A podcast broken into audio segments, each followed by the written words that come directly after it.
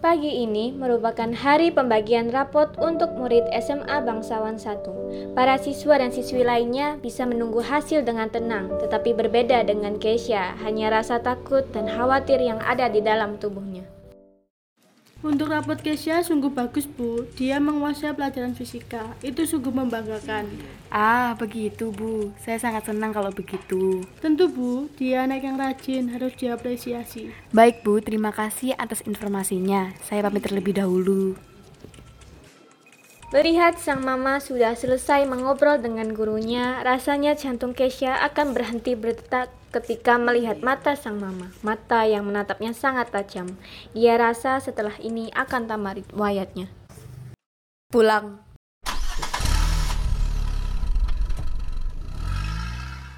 Setelah tiba di rumah, hawa dingin menyelimuti rumah Keisha. Terasa atmosfer telah berubah ketika sang mama melempar rapot ke sembarang tempat. Kenapa hanya fisika Keisha? Kenapa Kay? Bisu ya sekarang kamu? Jawab mama Kay. Jawab. Sini kamu. Tangan Keisha ditarik sang mama untuk menuju ke kamar. Untuk apa lagi jika bukan menghukumnya? Bukankah itu kegiatan sehari-hari sang mama? Hanya menuntut, menuntut, dan menuntut. Bisu, nggak berguna, nggak terima kasih. Kenapa kamu tidak mati saja? Kenapa Kay? Kenapa harus papa kamu? Ma ampun ma, Keisha janji buat belajar lebih giat lagi. Keisha janji akan berusaha lagi ma. Usaha apa kamu yang mau dilakukan, ha? Usaha apa? Dengan les? Gila ya kamu? Belajar di rumah aja nggak becus. Gimana mau les lagi, ha? Mau bikin mama bangkrut kamu? Jawab anak sialan. Harusnya kamu yang di atas sana, bukan papa kamu.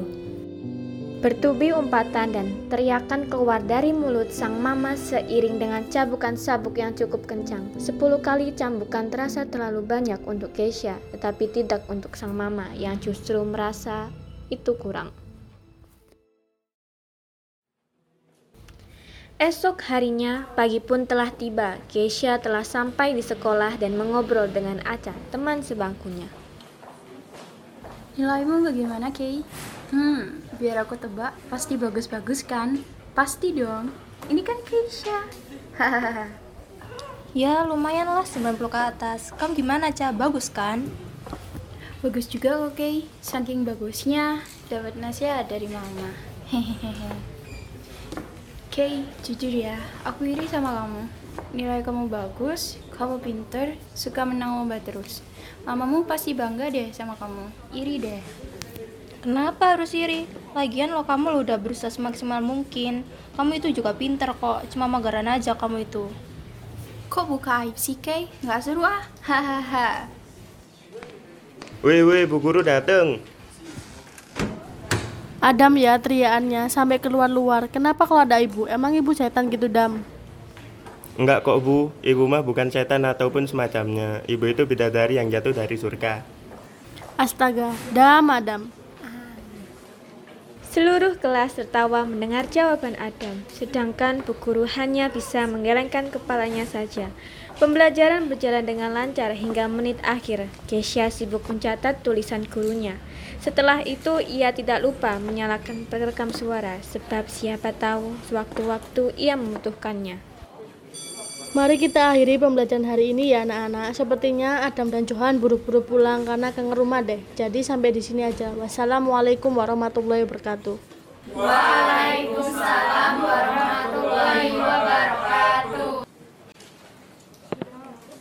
Kay, jadi kan mainnya? Hmm, maaf ya Sa, aku nggak bisa deh kayaknya. Ya, kenapa sih? Belajar lagi? Alasan yang bermutu dikit dong, Kay. Ca, bukannya gimana-gimana ya. Aku tuh takut mama aku nyariin. Lagi pula lo aku belum bilang juga, Ca. Kasihan kalau nyariin aku. Ya udahlah Ca, kita-kita aja yang main. Keisha nyusul kapan-kapan aja ya. Kita duluan ya Kay. Dadah. Keisha pun kembali ke rumahnya, tapi sesampai di rumah ia mendapati sang mama yang menyambut dengan tatapan tajam. Sini kamu. Mama dengar ada lomba matematika. Ikut sana. Anggap aja itu permintaan maaf dari kamu buat mama. Tapi itu harus juara satu. Paham nggak? Paham, Ma. Anak pintar, gitu dong menurut sama mama. Kan mama jadi sayang. Mama kan apa kamu? Mama buatin. Makanan kesukaan Kay aja ya, Ma. Tunggu ya sayang. Sang mama berjalan ke arah dapur sambil tersenyum, sedangkan Keisha hanya mampu menatapi nasib. Apakah mamanya hanya sayang ketika akan ada perlombaan dan nilai yang bagus? Hanya Tuhan yang mengerti sifatnya. Halo? Oke, ada lomba matematika nih, berpasangan. Mau ikut nggak? Lumayan loh, hadiahnya gede. Ah, kebetulan juga aku juga mau ikut, Han. Kalau gitu ayo ikut nanti. Hasilnya bagi dua, haha. Widih, pasti dong itu. Oke, aku daftarin ke Bu Indah dulu ya. Selamat malam, Ki. Makasih ya, Han. Iya, selamat malam juga. Ikut lombanya individu aja ya. Kalau kelompok, mama takut kamu hanya main-main saja sama temenmu. Tapi, Ma, kayak udah daftar sama Johan. Kasihan kalau dibatalin.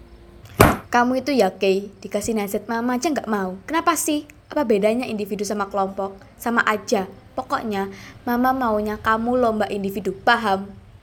Paham, Ma. Keesokan harinya, setelah diperintah oleh sang mama untuk melakukan lomba secara individu, Keisha harus memberitahu Johan. Dengan langkah gontai, Keisha menuju ke meja Johan. Han, maaf ya, aku kayaknya ikut individu aja deh. Kenapa, Ki? Mamamu ngelarang lagi. Sekali lagi maaf ya, Han.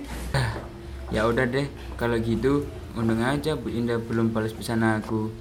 Ngomong-ngomong santai aja, Ki. Kayak siapa aja. Hai my brother and sister, kenapa nih bertuaan aja? Nanti ada setan loh. Ya kan setannya kamu dam Tak tabuk mulutmu ye, sembarangan aja kalau ngomong. Orang ganteng gini, masa dibilang setan? Kan emang ya Kay Diam aja deh daripada salah ngomong. Aku duluan ya, Han. Bye. Iya, Ki. Ngobrol apa sama Johan? Lomba ya? Ah, gila. Kalian lomba bareng? Wow. Enggak, Ja. Aku ikut yang individu kok. Ya, menonton kecewa. Kenapa kecewa? Ini loh, Aca mikir aku sama Johan mau lomba bareng. Tapi ternyata bukan, kan jadi kecewa dia. Oh ala gitu. Tapi kalian cocok loh kalau jadi partner. Siapa tahu kan dia menang. Tuh kan, makanya aku kecewa tadi. Udah ah, tuh guru datang tuh. Guru pun datang dan langsung memberikan materi kepada kelas 11 IPA 2. Berangsung lamanya, Keisha sudah giat dalam belajar, tak lupa ia menanyakan beberapa hal kepada gurunya kala ia tidak dapat mengerti materi lombanya. Tak lama, hari lomba pun dimulai. Keisha berangkat bersama sang mama. Tidak lupa mamanya memberi sedikit wejangan kepadanya. Ingat ya, harus juara satu. Mama nggak mau tahu, pokoknya harus juara satu. Iya, Ma. Kayak usahain ya. Dah ya, Ma. Assalamualaikum. Kesha, di sini. Han, udah lama ya nunggunya. Maaf ya tadi mama aku ngajak ngobrol dulu. Yoi, santai aja. Ayo masuk, habis ini dimulai. Mereka berdua pun masuk terbang lomba masing-masing, di mana Keisha mendapat nomor 10, sedangkan Johan nomor 30. Para peserta pun mengerjakan soal-soal yang sudah tersedia dengan waktu tertentu. Semuanya berjalan dengan lancar hingga waktu pengumuman hasil lomba. Halo semuanya, siapa yang tidak sabar dengan pengumuman hasilnya? Ayo angkat tangan Saya kak Wah, penasaran semuanya nih Oke, tanpa lama-lama Ucapkan saja selamat untuk juara harapan 3 Yaitu Seiring waktu berjalan, pengumuman berjalan lancar sampai juara kedua dan akhirnya tiba saat juara satu diumumkan. Oke, juara satu nih Siapa ya yang kira-kira bakal dapat? Wow, selamat untuk Gania Putri Pemilihan sertifikat dan piala pun sudah dilakukan oleh para pemenang. Setelah itu, Johan dan Keisha berpisah untuk pulang ke rumah masing-masing. Tiba di rumah, Keisha disambut oleh mamanya yang tanpa basa-basi menanyakan apakah ia memenangkan lomba tersebut. Mana pialanya? Maaf, Ma. Kayak belum bisa dapat pialanya. Kayak juga udah berusaha semaksimal mungkin. Mama lihat sendiri kan dari kemarin. Tanpa menunggu lama, sang mama menarik lengan Kesha dengan paksa menuju kamar dan menghukumnya hanya sekali pukulan di bibir, namun pukulan tersebut berhasil membuat bibir Kesha berdarah. Merasa kurang, ia menambahkan tendangan kencang pada lutut Kesha dengan penuh amarah. Dasar gak berguna, sana masuk kamarmu. Kau keluar sebelum kamu belajar dengan benar. Keisha berlari dan mengunci kamarnya. Ia terisak sambil membersihkan darah dari bibirnya. Keesokan harinya, Keisha terpaksa pergi ke sekolah memakai masker demi menutupi luka di bibir akibat pukulan dari mamanya. Tiba di kelas, teman sekelasnya tampak kebingungan melihat penampilan aneh Keisha serta cara berjalannya yang agak pincang. Kamu lagi sakit, Kei? Keisha hanya bisa mengangguk. Waduh, ada apa nih? Jangan peduli banget kayaknya sama Keisha. Apaan sih, Cah? Pasti kamu juga kaget ngeliat Keisha yang hampir nggak pernah sakit gini pakai masker. Bener juga sih. Seriusan kamu lagi sakit, Kay? Cuma sariawan aja kok.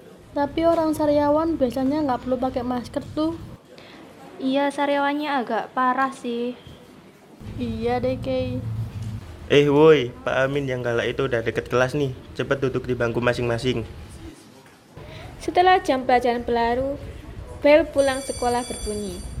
Tiap siswa bergegas merapikan perlengkapannya masing-masing.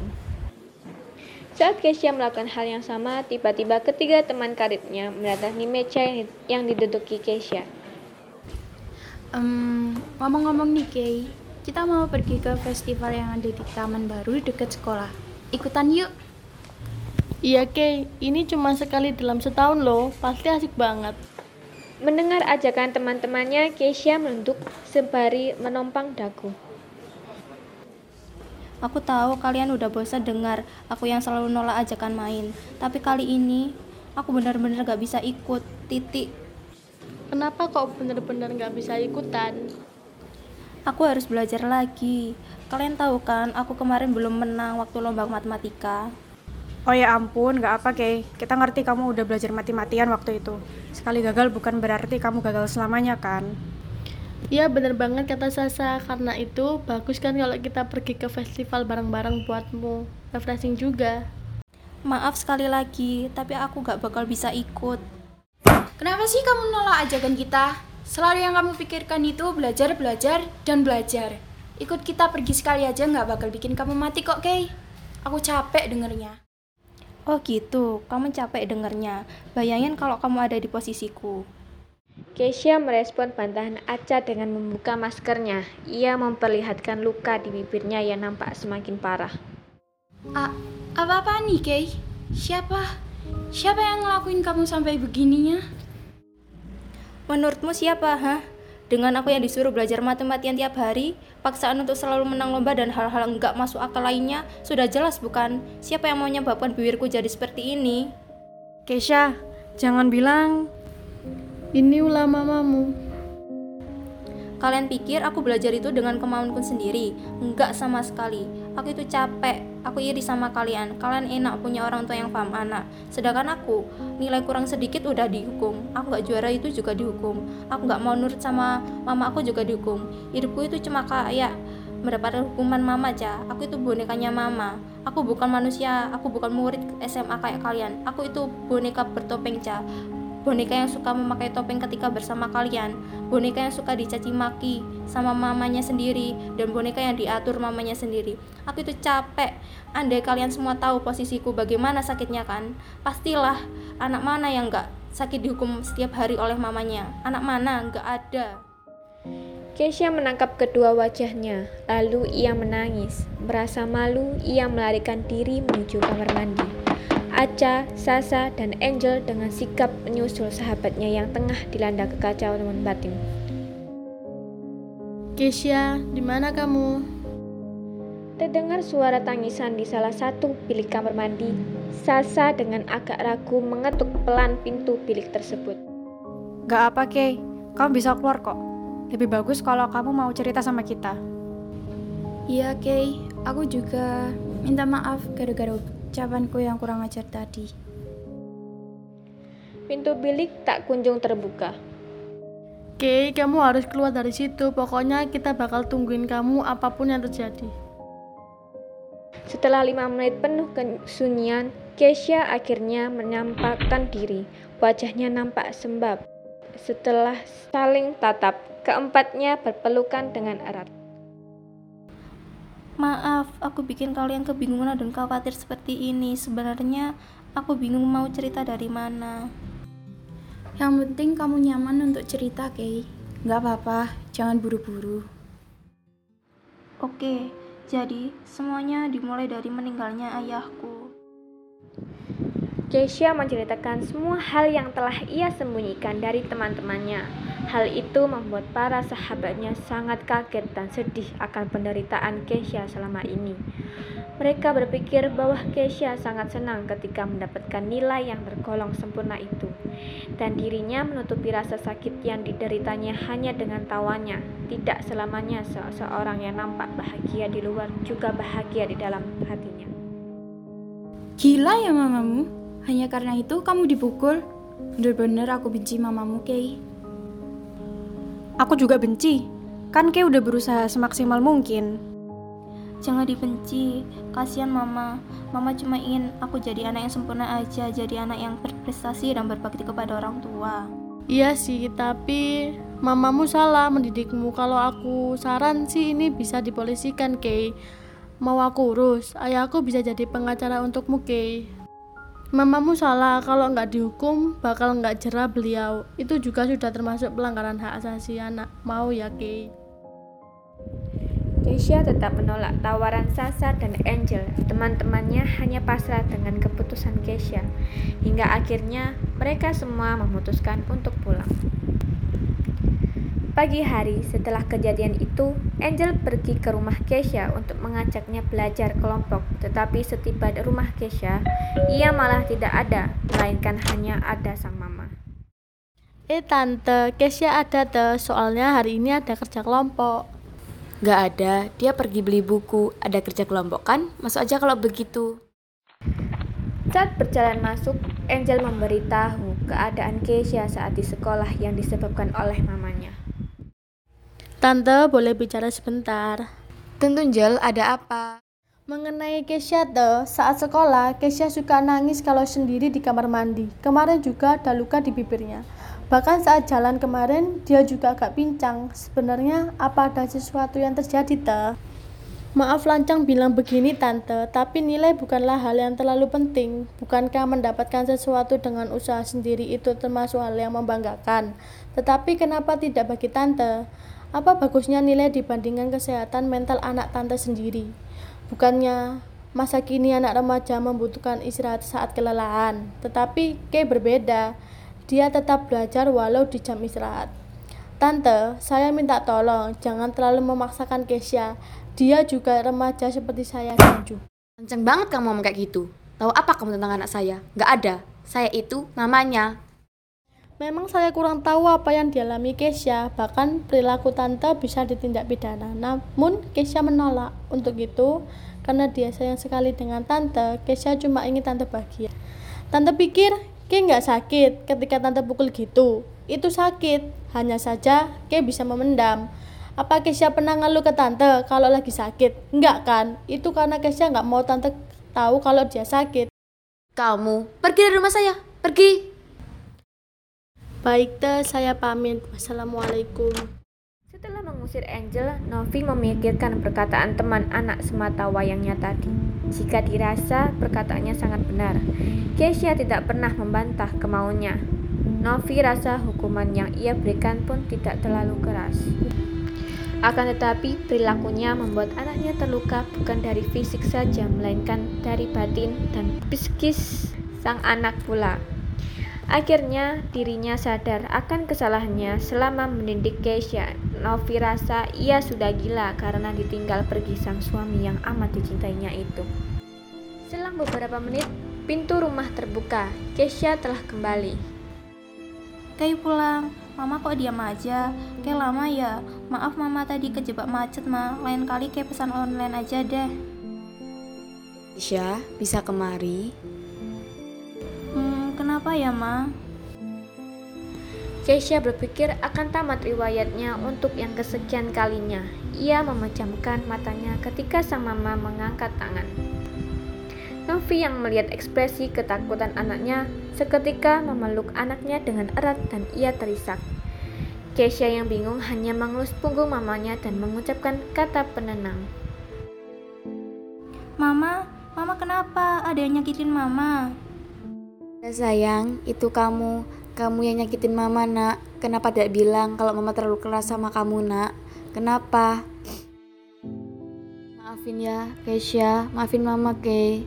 Mama salah, mama salah selama ini. Mama pikir setelah papamu pergi, mama bisa menjagamu dan mendidikmu dengan benar. Ternyata mama salah sayang. Maafin mama ya, Keisha. Maafin mama. Setelah mendengar tuturan sang mama, Keisha menangis dengan sendu. Apakah ini akhir penderitaannya? Itulah yang ditanyakan hati Keisha. Di sisi lain, ia lega dengan permintaan maaf sang mama. Akhirnya, sang mama sadar akan perilakunya dan pada akhirnya juga Keisha keluar dari neraka kehidupan ini. Mama, kayak tahu mama stres karena papa pergi, tapi kayak gak apa-apa. Yang penting mama juga tidak pergi seperti papa. Keisha sudah senang kok. Keisha sayang mama, maafin kayak juga ya, Ma. Maafin mama, Kay sayang. Maafin mama, nak.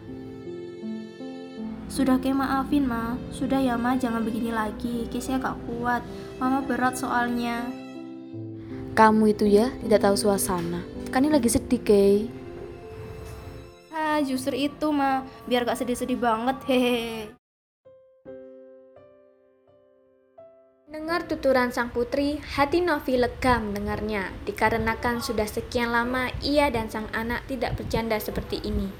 Kali ini ia berjanji untuk lebih mendidik anaknya dengan benar, mengerti apa yang sang anak rasakan, bangga atas prestasi sang anak, dan bersyukur atas nilai sang anak. Saat ini benar-benar dunia untuk Keisha, akhirnya ia benar-benar terbebas dari neraka. Dunia yang kejam, juga ia bukan boneka bertopeng lagi. Keisha adalah remaja biasa seperti umumnya. Dalam pembelajaran kali ini, untuk para orang tua, janganlah jadikan nilai sebagai faktor kesuksesan. Memang benar, anak-anak akan sukses dengan nilai dan hasil dari apa yang sudah mereka lakukan, tetapi berbeda dengan kondisi mental para anak. Jika saja kesehatan mental mereka kurang diberi perhatian, maka kemungkinan sudah terjadi kasus yang bahkan lebih parah terkait hal ini. Maka mulai detik ini, perhatikan kondisi kesehatan mental anak-anak kalian. Jangan sampai faktor ini membuat tingkat masalah kesehatan mental meningkat pada remaja.